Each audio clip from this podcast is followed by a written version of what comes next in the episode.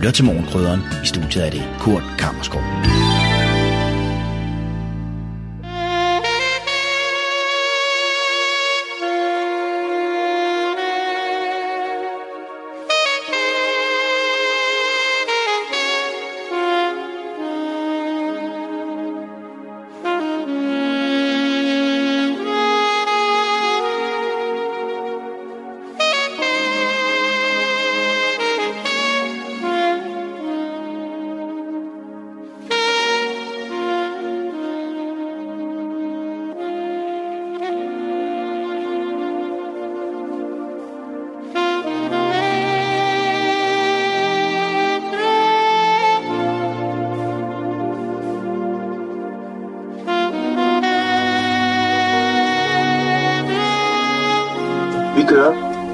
Okay, klar i studiet. Vi tager øh, stemmen på første ro, og værsgo, værsgo. Du lytter til din egen radiomodtager. Fremragende, den er købt. Vi tager den, den her. Okay. Og så er vi i gang med ugens udgave af programmet, der hedder Morgenkrøden. Goddag, velkommen til. Mit navn er Kurt Kammersgaard.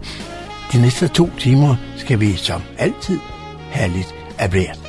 Lokale indslag her fra lokale område, og så en masse blandet musik. Men øh, som også som altid, så plejer vi lige at komme med en kort oversigt over, hvad det er, vi har fat i her i løbet af dagen.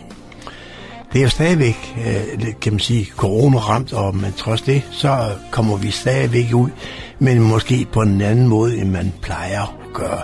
Det vil man så lægge mærke til i løbet af udsendelsen. Don Marco har haft en telefonsamtale. Det er jo fordi, vi ikke rigtig må mødes. Og det har han haft sammen med formanden for DGI i øh, Nordsjælland, han hedder Per Forst Henriksen.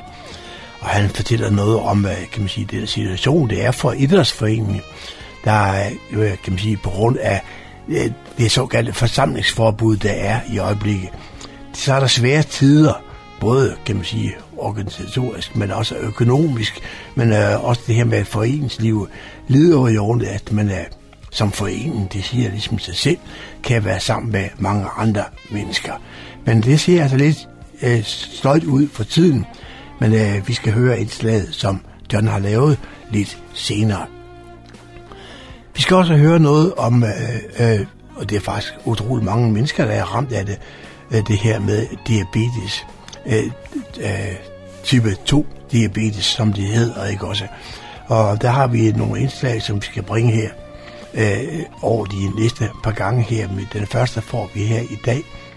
Det er, det kan man sige netop, hvor, hvor svært det kan være at, at leve, leve med et uh, øh, type 2 di, diabetes. Det kan godt lade, lade sig gøre, man skal bare være, være, være klar på, at man skal leve med un, nogle øh, kan man sige, andre forhold, man skal passe på, at man ikke får nogle øh, øh, følgesygdomme i forbindelse med det. Det får vi nogle øh, tal på, og vi får også nogle øh, gode idéer til, hvordan man kan gøre det, øh, og så få leve en nogenlunde normalt liv, også selvom vi har øh, corona i øjeblikket. Hvad har vi så mere? Jo, vi skal også om lidt, øh, så skal vi også høre noget om, øh, og øh, vi skal tale med Tove von Jessen. Hun er formand for Niveau Amatørscene. Amatørteater hedder det vist nok. Og de er jo også ramt. De må ikke mødes. De kan ikke engang få lov til at, kan man sige, at øve sammen, fordi så bliver man hurtigt over fem mennesker, og det er lidt svært. Men øh, alligevel så har man taget chancen og kan man sige, næsten, øh, næsten tilrettelagt lidt øh, forårs, øh, kan man sige, tiltag dernede, og det skal vi høre noget om. Det har John Margo også talt med med formanden om til Tove von Jessen, som uh, siger, jamen, hvad, hvordan ser det ud i øjeblikket med niveau amatørteater, og, og hvad har man af uh, muligheder uh, for, for det. Og også inden det, så skal vi høre netop det her med amatørteater, med monologer, sange og ting, så, uh, øh, så har jeg pillet noget frem, uh, en lille sang med, uh, med Oswald Helmut, der også fortæller, kan man sige, om om det her svære ting med, med, med monologer og det hele taget. Det er ikke noget med corona at gøre, men uh, det er en af de gode gamle, som vi skal høre med Osvald Helmut. Så uh, det får vi også fat i. Lokale nyheder. Daniel har som altid kigget lidt på, hvad han har fundet frem fra humleborg.dk, og det skal vi også høre her i udsendelsen. Og så her den øh, forleden dag, der, var det, der blev der en øh, Joan Bates, hun øh, fyldte 80 år, og det er sikkert mange, der kender hende, i hvert fald også af ældre overgang. Protestsanger øh, fra USA, og hun har været med i mange forskellige ting, og hun har betydet rigtig meget for, for mange mennesker, og vi skal høre lidt om uh, nogle af hendes numre, og vi skal høre lidt om, kan man sige, hvorfra hun er også fik sin inspiration, for det, det var jo også noget kendt noget. Det er John Marco, der har sammensat lige en lille, øh, øh, hvad skal man sige, en smagsprøve på, øh, på noget af det, hun har præsteret gennem de mange år, hun har været på scenen. Og så ud over alt det her, ja, så skal vi også have musik, og det er så mig, der har fået æren af at stå på det, og der finder jeg lidt af hver frem. Så bare sige velkommen til morgenkrøden. Rigtig god fornøjelse de næste to timer. Og husk øve, som jeg plejer gerne at sige, hvis jeg kan huske det i hvert fald. Får du ikke det hele med i dag, så i morgen mellem klokken, morgen mandag mellem klokken 18 og klokken 20 genudsender vi det hele.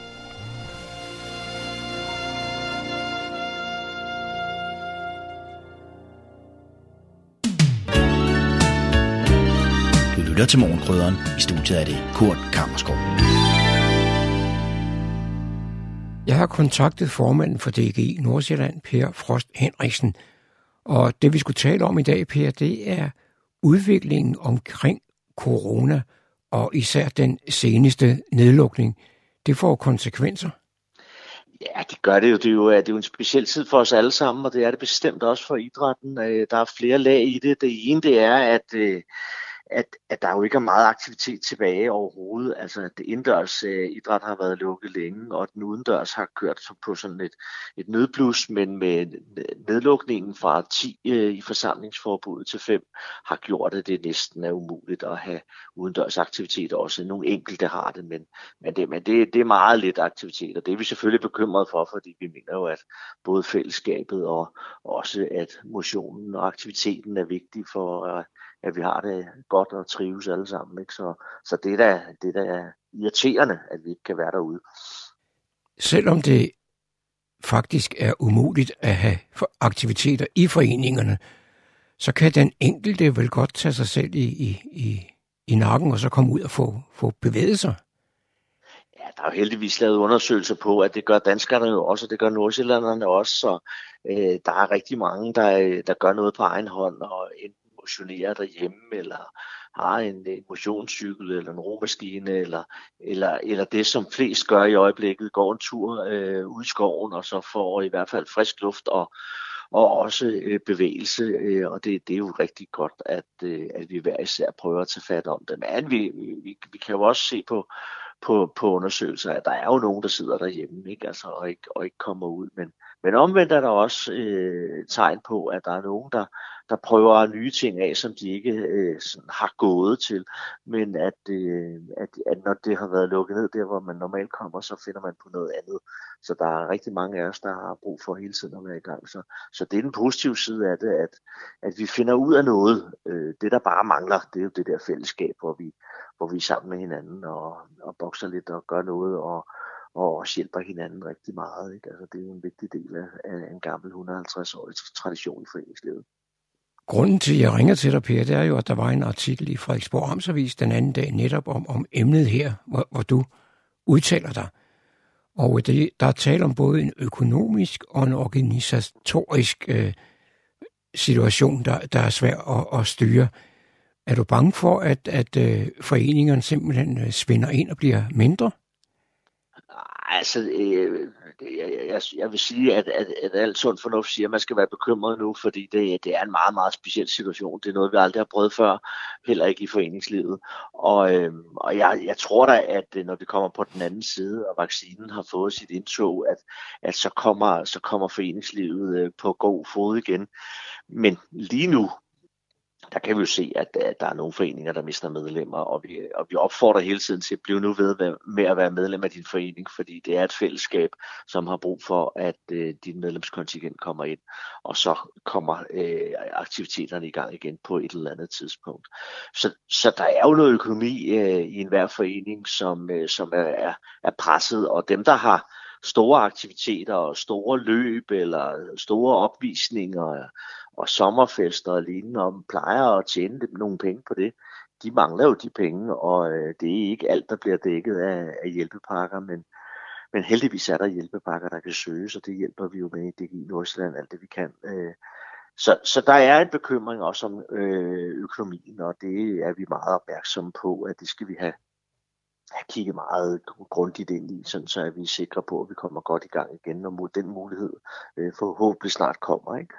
Øhm, det var den ene del. Den anden del af det med demokratiet, at, at vi er jo bundet op af et øh, foreningsdemokrati og et folkeoplysende lovgrundlag, hvor der, hvor der skal være øh, valgte bestyrelser og, og, og generalforsamlinger og i, i øvrigt det er noget formalia, der skal overholdes. Og, og det arbejder vi nu med at, at få hjulpet foreningerne så godt vi overhovedet kan. Øh, nogen har mulighed for at afholde det øh, virtuelt, altså øh, med en IT-løsning og, og andre udskyder øh, indtil videre. Og, og det er der heldigvis forståelse for hele vejen rundt, og det er sådan, man gør det, når situationen nu er så speciel. Men, øh, men vi vil jo gerne have, at det der demokratiske lag, det virker, fordi det er jo også en del af vores kultur i Danmark, at, at vi har et foreningsdemokrati, og vi har valgte personer, og, og det skulle gerne øh, flyde derudad og, og være godt. Øh, så, så, så det arbejder vi meget med også, at få det på plads. Har du et bud på, hvad de enkelte foreninger kan gøre i, i perioden her, for ligesom at fortælle medlemmerne, at foreningen stadigvæk eksisterer? Ja, men altså information er jo altid godt, også når det går øh, almindeligt, og her i, i, en, i en særlig tid, så, så synes jeg, det er, det, det er på sin plads, at foreningerne de gør alt, hvad de kan for at fortælle øh, medlemmerne, hvor, hvor, hvad situationen er, og hvordan de påtænker at, at gøre tingene. Der er jo nogle foreninger, der vælger at, at gøre øh, løsninger, sådan så at, øh, at der er træning øh, virtuelt, altså hvor man kan følge med øh, hjemme fra computeren og så få træningsprogrammer. Og, og der, er, der, der, er nogen, der, der er nogle foreninger, der gør noget øh, helt særligt og ekstra for at få, øh, få aktivitet i gang. Og der er også øh, foreninger, som, som vælger at, at, at køre sådan set på normal vis, altså at få afholdt generalforsamlinger, selvom det bliver på virtuel basis, og det, og det, det accepterer vi også, og det, det, det er fint, at, at der er nogen, der gør det på den måde. Du var lidt inde på, at foreningslivet, også idrætsforeningerne her, er en meget stor del af vores øh, dagligdag, og især vores øh, danske kultur. Ja, altså det, det, jeg, jeg siger jo ved festlige lejligheder, at, at foreningslivet binder jo lokalsamfundet sammen, og at, at det har en stor betydning, og at selvfølgelig er, er, er noget af det primære er jo, er jo at, at lave bevægelse og lave motion og lave aktivitet og kampe og opvisninger. Men, men en anden kæmpe, kæmpe stor del, som jeg sådan set selv holder med allermest af, det er jo fællesskabet. Det er jo det der møde vennerne. Øh, altså lige komme ud på, øh, på fodboldanlægget, lige snakke med vennerne og også lige sidde i omklædningsrummet et øh, kvarter bagefter og lige snakke om vind og vejr og noget, der går godt, eller noget, der går skidt. Og, og den del, af, den, den er der jo ikke i øjeblikket, og det er jo det, der sådan den mentale sundhed, som vi taler om, den er, den er jo udfordret, og der håber vi på, at øh, medlemmerne rundt i foreningerne jo stadigvæk hjælper hinanden og stadigvæk snakker med hinanden på kryds og tværs på de øh, platforme, hvor det nu er muligt. Øh, fordi forening og kultur, øh, der, det er fællesskabet. Det er det, der tæller. Altså, det, det er derfor, jeg bruger kræfter på det. Det er fordi, jeg synes, vi skal være sammen med hinanden, og vi skal, vi skal, vi skal være for hinanden, og vi skal yde noget også øh, for at få et godt samfund og trives og hygge og hvad vi ellers kan. Det var John Marco, der havde produceret dette indslag. Du lytter til morgenkrydderen.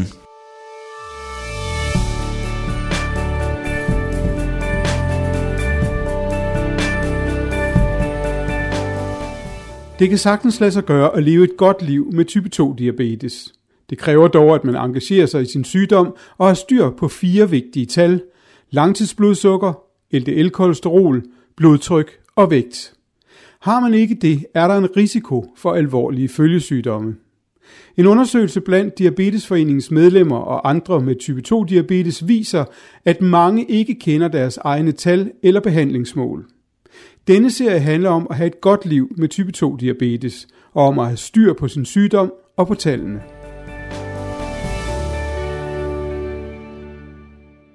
Når man får diagnosen type 2-diabetes, så gælder det om fundamentalt at ændre sin livsstil, sådan så at man sikrer sig en prognose på den lange bane, der gør, at man ikke får hjertekarsygdom, man får diabetes i komplikationer i øjnene, i nyrerne og i nerverne ned til benene, øh, så man simpelthen lever et liv, der gør, at man øh, mindsker risikoen for det. Sådan siger professor og overlæge Philip Krav Knob, der er leder af Center for Clinical Metabolic Research på Herlev Gentofte Hospital.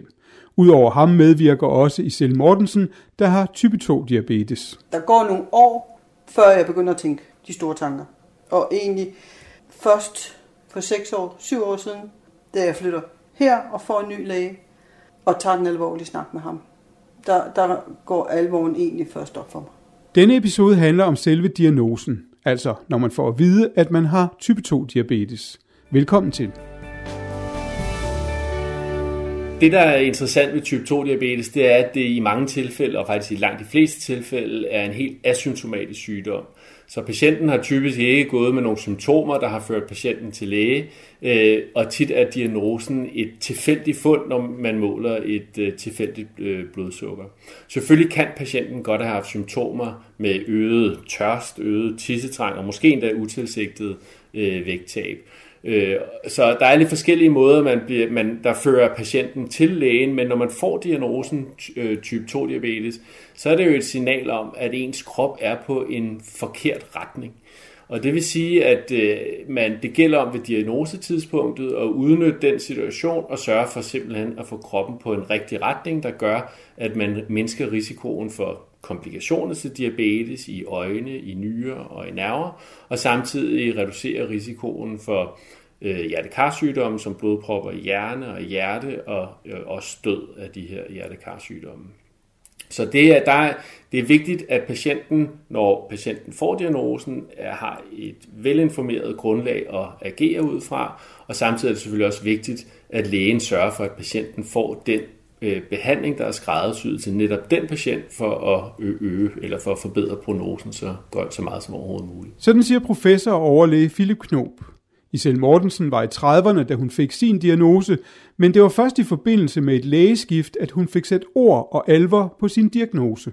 Det er egentlig der, hvor, hvor det egentlig rammer mig og siger, hov, der skulle måske have været sat ind for 10 år siden. Ikke? Øhm, og, og at alvoren af en diabetes simpelthen ikke må tages let på. Hvad er det for en type snak, du har med, med lægen? Altså, hvad, kan du prøve at beskrive præcis, hvad, hvad der sker? Han gik jo ind med, jamen har du været på, øh, der er, alle kommuner har et informationskursus, om jeg havde været på det? Nej, det havde jeg sådan set ikke. Øhm, med, og, og, og få reguleret min diabetes, øhm, sådan så at det ikke bare var øh, høje tal hele tiden, men rent faktisk var noget, som, som skulle ligge, nogle, nogle tal, som skulle ligge nede og hele tiden presse dem nedad. Og det har jeg aldrig nogensinde tænkt på. Jeg har bare kørt 180 i timen. Øh, det var sådan lidt en øjenåbner. Det kræver noget arbejde, både fra lægens side med at skræddersy den korrekte behandling, medicinske behandling til patienten, og så kræver det selvfølgelig også noget arbejde og nogle overvejelser øh, fra patientens side, fordi at øh, livsstilsændringer også er en del af fundamentet i behandlingen af type 2 diabetes. Og der er det vigtigt at pointere, at der ikke taler om, at man skal på en slankekur i de næste tre måneder, eller at man skal lade være med at spise slik i, øh, om aftenen i de næste halve år eller noget. Det er nogle fundamentale livsstilsændringer, der er tale om.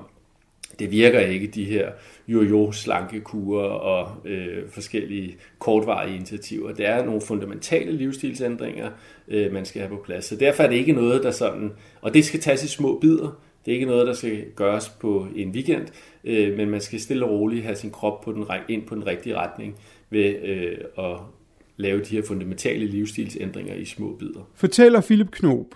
Isel Mortensen fik også styr på sin type 2 diabetes i forbindelse med lægeskiftet, og nu er hendes fokus helt klar. Livsstil, at jeg ikke skal arbejde 24-7, at jeg har behov for hvile, at jeg har behov for struktur, øh, mad på ikke faste tidspunkter, men semifaste tidspunkter, hvor mange gange om dagen jeg skal spise, øh, tjekke blodsukker, øh, og ikke kun den der tre måneders, øh, når nu ligger det sådan her, så regulerer vi lidt, men at jeg egentlig kommer ind i en fast rytme, skifter arbejde også, øh, til noget, som ikke bevirker, at jeg bliver kaldt ud midt om natten også. Men, men at tingene kommer ind i lidt firkanter. Og hvad er det så, at behandleren eller lægen skal være opmærksom på, når diagnosen stilles? Om det siger Philip Knob. Jeg synes, man skal se på patienten, øh, prøve at kortlægge, hvad det er for nogle ressourcer, patienten har, øh, hvad er det for nogle øh, kompetencer, patienten har til at ændre sin livsstil, for eksempel. Har patienten støtte fra familiemedlemmer? Øh, er patienten sidder, vil patienten sidde meget alene med det her? Så det gælder om at få et indtryk af patienten, hvad patienten kan, ja, så at sige, tåle at få at vide. Øh, men når det så er sagt, så mener jeg, at alle patienter har ret til at vide, hvad det er for en sygdom, øh, de har fået konstateret, og de har ret til at vide, hvad øh, den kan afstedkomme af komplikationer og, og risici fremadrettet. Så jeg gør faktisk ret meget ud af at være helt ærlig omkring de risici, der er forbundet med at få sygdommen, og også med de tabte leveår, man risikerer, hvis sygdommen er ubehandlet, og risikoen for at få ja, for eksempel hjertekarsygdomme, blodproppe i, i hjerte og i, i hjerne, hvis man ikke gør noget ved patienten. Det synes jeg faktisk, patienten har krav på, når de går ud fra mit øh, konsultationslokale. Og det kan være hårdt at aflevere sådan en lidt kedelig besked, øh, og det kan være hårdt at modtage sådan en besked. Men til gengæld gør jeg også meget ud af det her med at samle patienten op igen, ved at fortælle, at ved at instituere den rette behandling, ved at ændre livsstilen til det bedre, så kan vi faktisk reducere risikoen for, for de her forskellige komplikationer og øh, følgesygdomme til noget, der ligner bag, baggrundsbefolkningsniveau. Og det er tit så, er det ligesom om, så falder der en femøre for, for patienten, og det, det bruger de i mange tilfælde meget, meget konstruktivt. Det er vigtigt at tale med lægen om sin type 2-diabetes, så man er sikker på, at der er styr på tallene, og så man får den rigtige behandling. Serien her, som handler om et godt liv med type 2-diabetes, har fem afsnit i alt. Du kan finde alle fem som podcast i din podcast-app, hvis du søger på et godt liv med type 2-diabetes.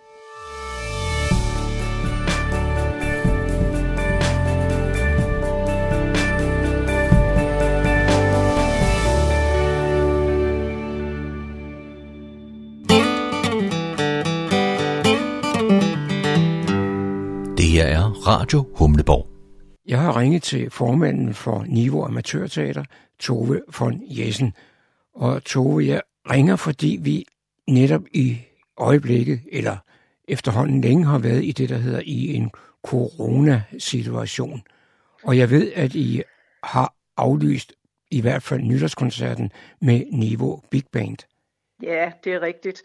Øh, i den her tid er vi jo ekstra kede af det her i Niveau Amatørteater, fordi det er jo på den her årstid, hvor vi plejer at have dels vores egen store nytårskoncert, hvor vi plejer at få professionelle jazzmusikere hertil, og dels jo også øh, den koncert, som Big Bandet øh, plejer at holde i, i teaterhuset. Så, øh, så det er vi jo rigtig kede af, men øh, det er jo sådan, det må være i øjeblikket.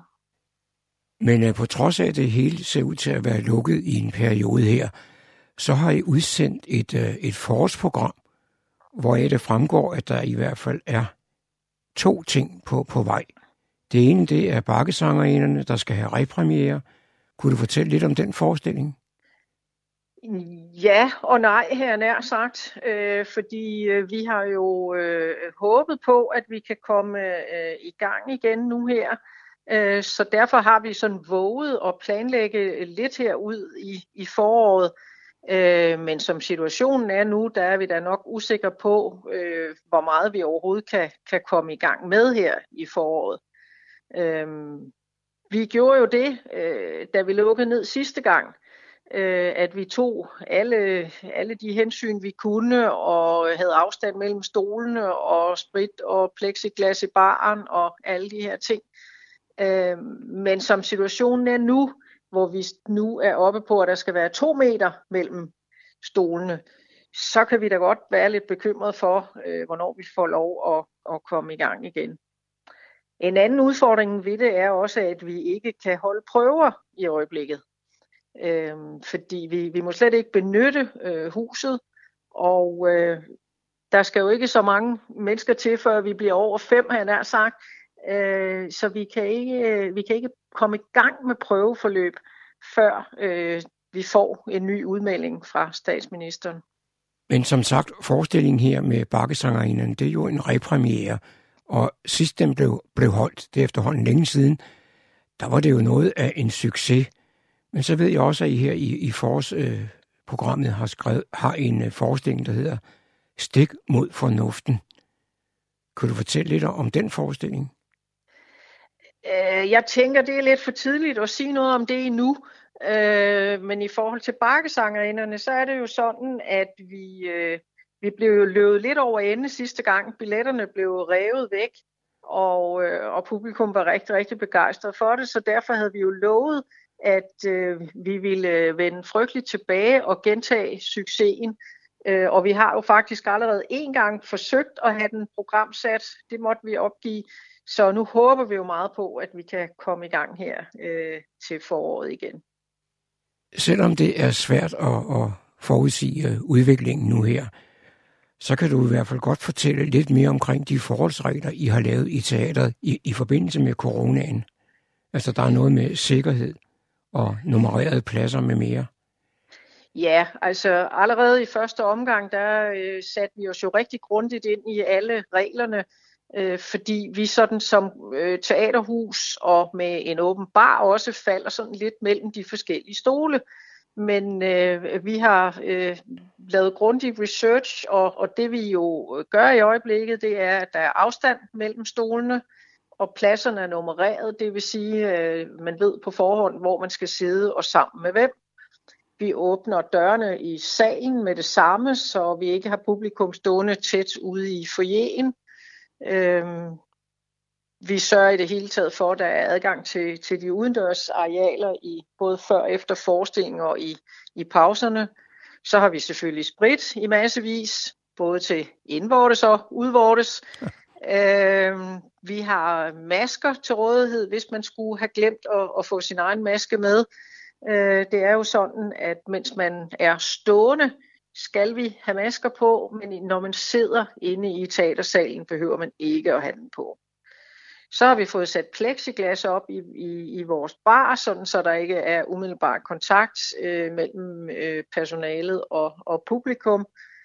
Øh, så vi synes jo egentlig, vi har gjort alt, hvad vi overhovedet kan. Øh, så lige nu så håber vi bare på, at vi snart kan få lov at åbne igen. Det du har talt om nu, det er generelle retningslinjer, og så er det, hvordan øh, man skal beholde sig, når man er publikum. Men øh, hvad når I er på scenen? Der er nogle af de forestillinger, jeg har overværet, der er de optrædende jo meget tæt på hinanden. Ja, det er fuldstændig rigtigt, og øh, det har vi selvfølgelig også undersøgt. Øh, vi har fundet ud af, hvad gør man på de øh, professionelle teatre, og hvordan er reglerne der. Og øh, der er det simpelthen sådan, at øh, de medvirkende skuespillere bliver testet med løbende mellemrum, øh, så vi kan være forholdsvis sikre på, at øh, vi ikke kommer til at gå og smitte hinanden. Som situationen er nu, der fortalte du, at der ikke, ikke kan foretages prøver i, i teaterhuset. Men er det sådan, at de, de medvirkende de kan mødes sådan et par gange og så øve lidt derhjemme, tror du? Altså lige i øjeblikket har vi sat det hele på hold. Øh, i, ved sidste nedlukning, der eksperimenterede vi en lille smule med at holde øh, altså læseprøver øh, ved hjælp af, af øh, et af de virtuelle programmer, hvor man kan mødes og tale sammen. Øh, det viste sig dog rimelig hurtigt, at det fungerer altså ikke særlig godt. Øh, så, så lige nu ligger det hele faktisk fuldstændig stille. Mange foreninger, de lider jo for det første år, de ikke må lave noget, og så lider de under, at øh, økonomien øh, får det hårdt. Hvordan er det i niveau amatørteater? Ja, vi skal jo sådan set ikke klage. Øh, vi er jo relativt godt stillet, fordi vi ikke betaler husleje øh, til teaterhuset. Det er jo sådan, at kommunen stiller huset til rådighed for os, og det betyder, at det koster os ikke noget, at, øh, at vi ikke er aktive for tiden så har vi heller ikke tegnet kontrakter med eksempelvis øh, professionelle instruktører, musikere eller noget i den stil, som vi er bundet af. Og det betyder, at vi ikke har løbende omkostninger. Når situationen nu er, som den er, hvordan lykkes det dig, så dig som formand at holde gejsten oppe i, i foreningen? Jamen det skal jeg som sige dig. Jeg har lovet øh, alle vores aktive medlemmer, at lige så snart vi åbner igen, så holder vi en kæmpe fest. Uh, vi trænger simpelthen sådan til at, at møde hinanden og, og hygge os og have det sjovt, fordi øh, en ting er, at vi savner publikum, men vi, vi savner jo bestemt også hinanden, fordi vi er jo vant til, når vi arbejder, så er vi rigtig tætte og, og ses rigtig ofte, så det er faktisk et stort savn øh, for os alle sammen, at vi ikke kan få lov at hygge os med det i øjeblikket. En som i staden står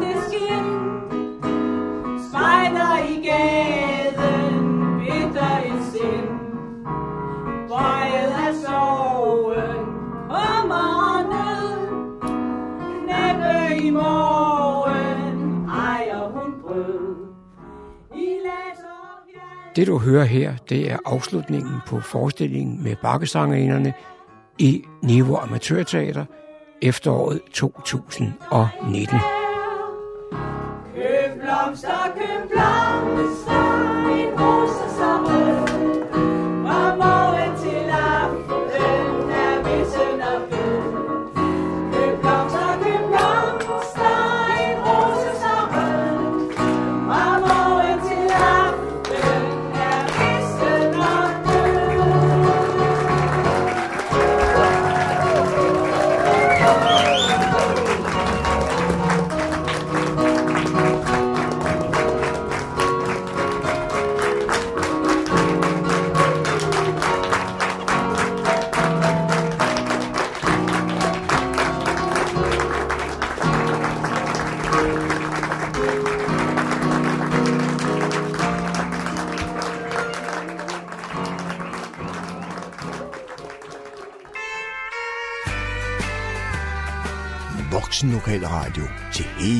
Nordsjælland fra Radio Hundeborg.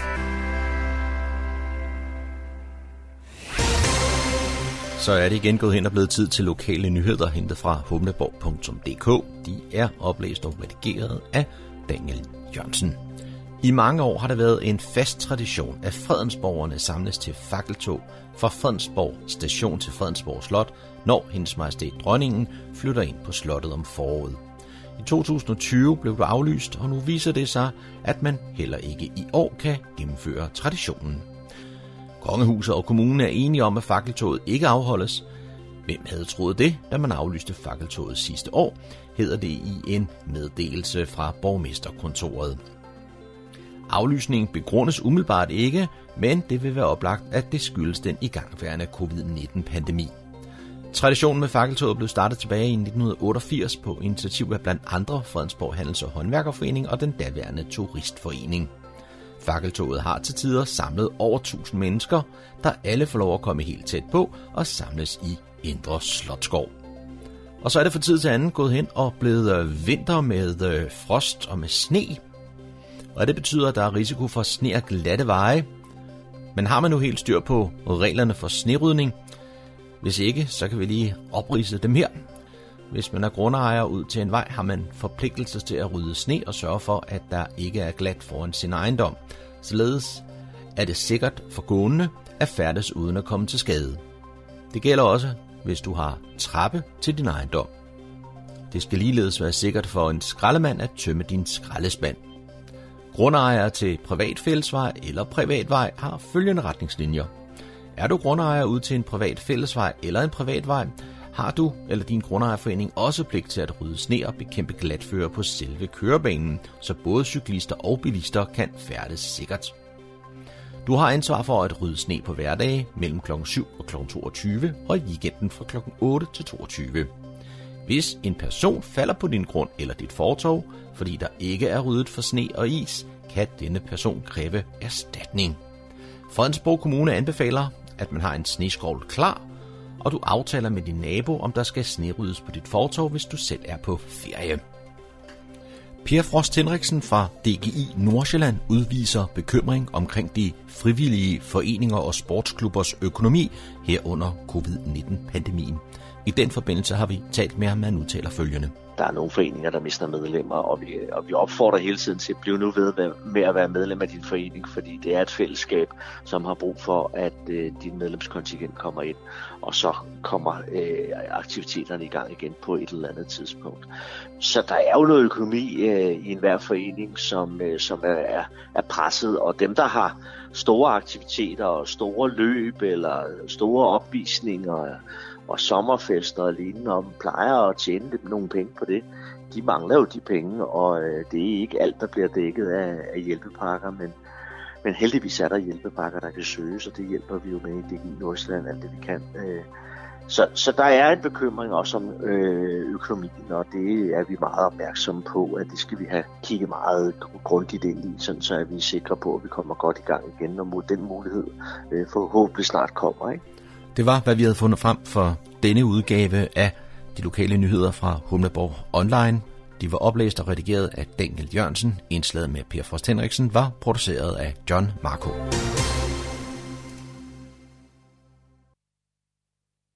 Nu skal vi skrue tiden lidt tilbage, for vi skal lytte til den amerikanske folkesanger og protestsanger John Bass.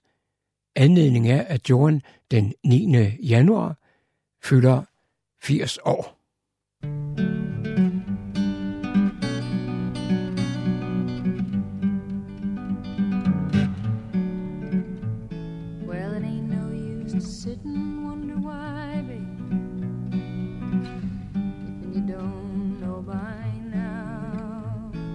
It ain't no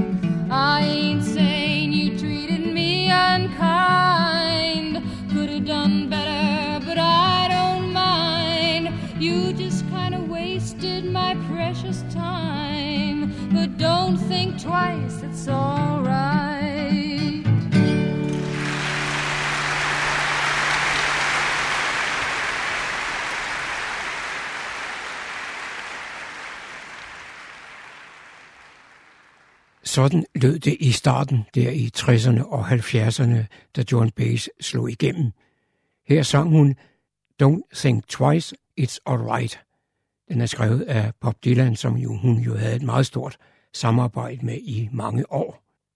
Nu skal vi lytte til en sang, som de fleste folkesanger og protestsanger på den tid havde på repertoiret. Vi kender den mestendels med Pete Seeger, men her der er det altså John Bass i We Shall Overcome. Would you like to sing We Shall Overcome?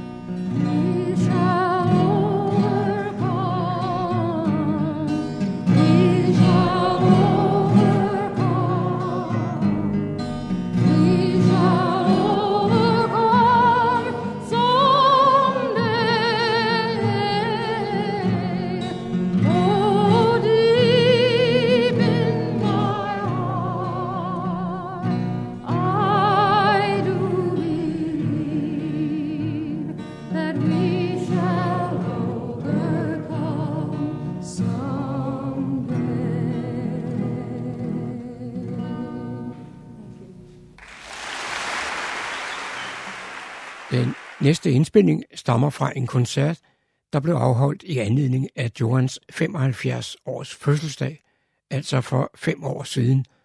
Og jeg synes, det er helt fantastisk at høre et kvindemenneske på den alder beherske stemmen så godt.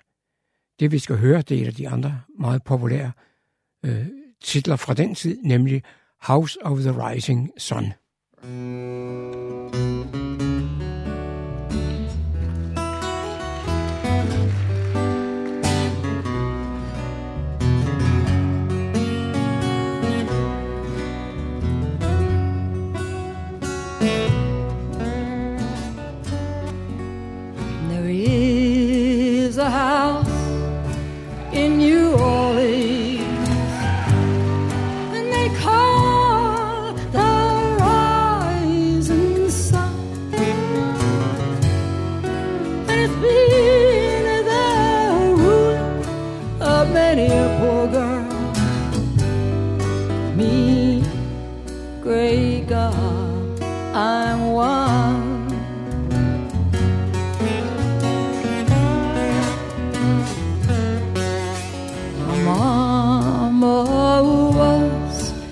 take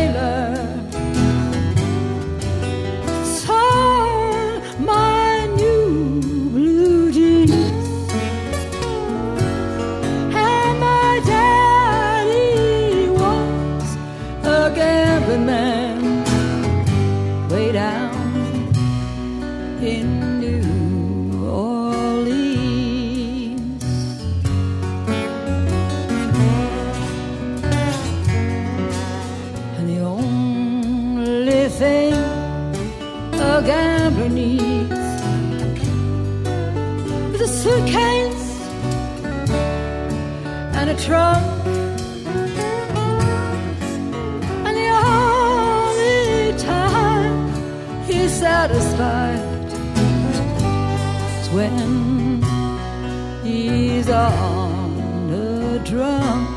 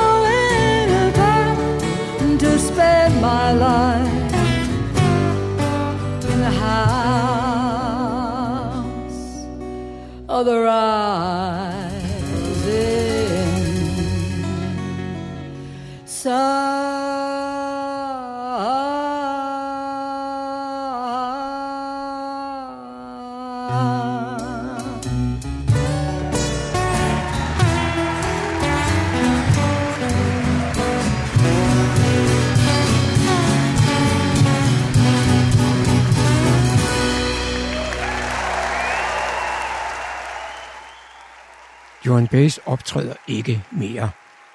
Hun er i dag bosat i Woodside i Kalifornien, hvor hun så ynder at fortælle, at hun holder sig mentalt i balance ved at meditere i en gammel træhule i et flere hundrede år gammelt egetræ i baghaven. På trods af det, så skal vi lige lytte til en sang her, en af hendes meget kendte numre, nemlig Forever Young.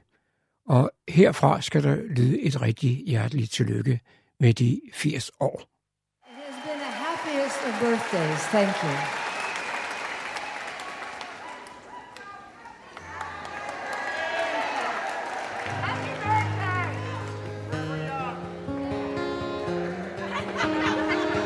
You're reading my mail.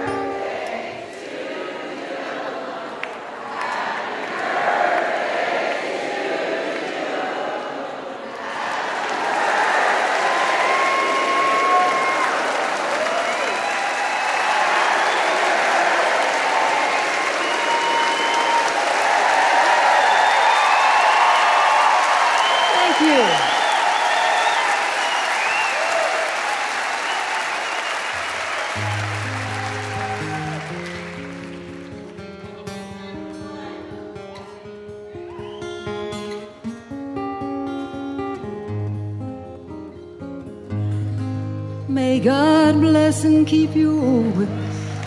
May your wishes all come true. May you always do for others and let others do for you. May you build a ladder to the stars and climb on every rung, and may you stay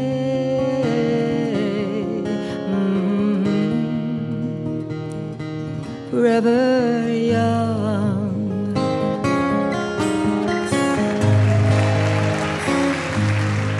May you grow up to be righteous, and may you grow up to be true.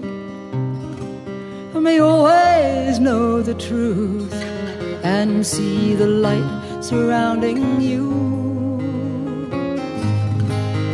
May you always be courageous, stand upright and be strong, and may you stay mm, forever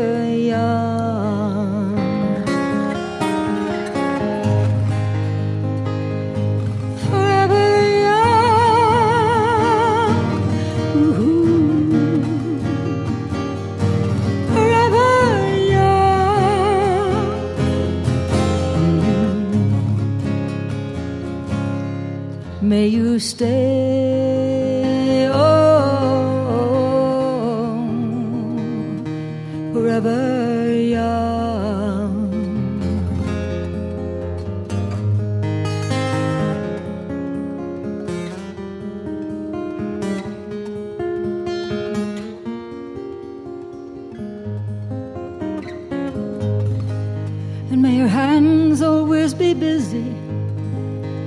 your feet always be swift, and may you have a firm foundation when the winds of changes shift.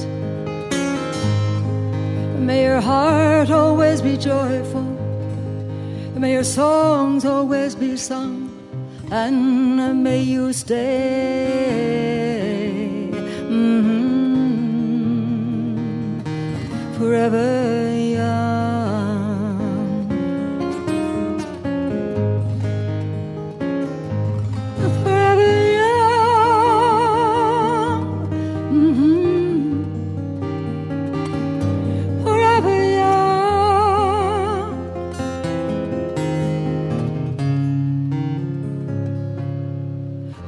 stay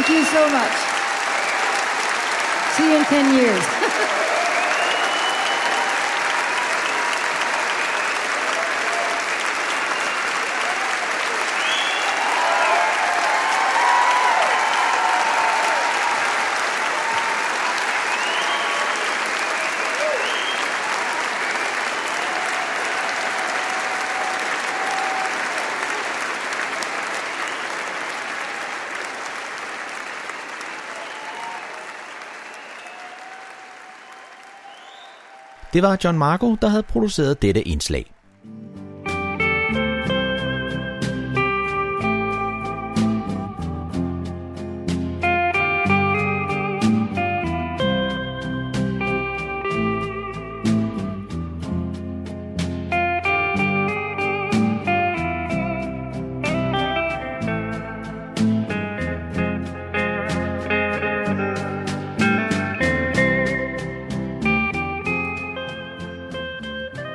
Disse toner fortæller os, at vi er nået til afslutningen på denne uges udgave af programmet, der hedder Morgenkrøden.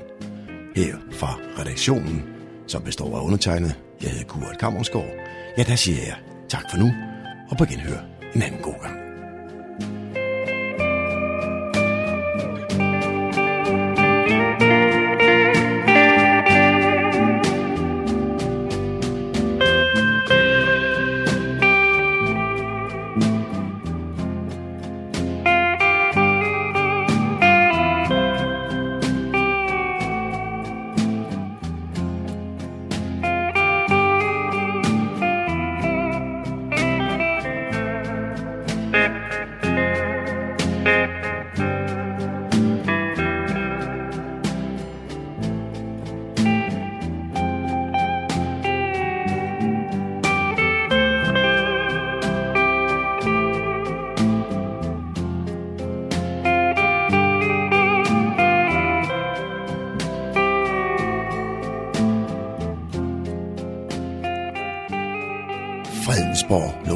Radio, Radio Humleborg, Nordsjællands mest voksne lokalradio.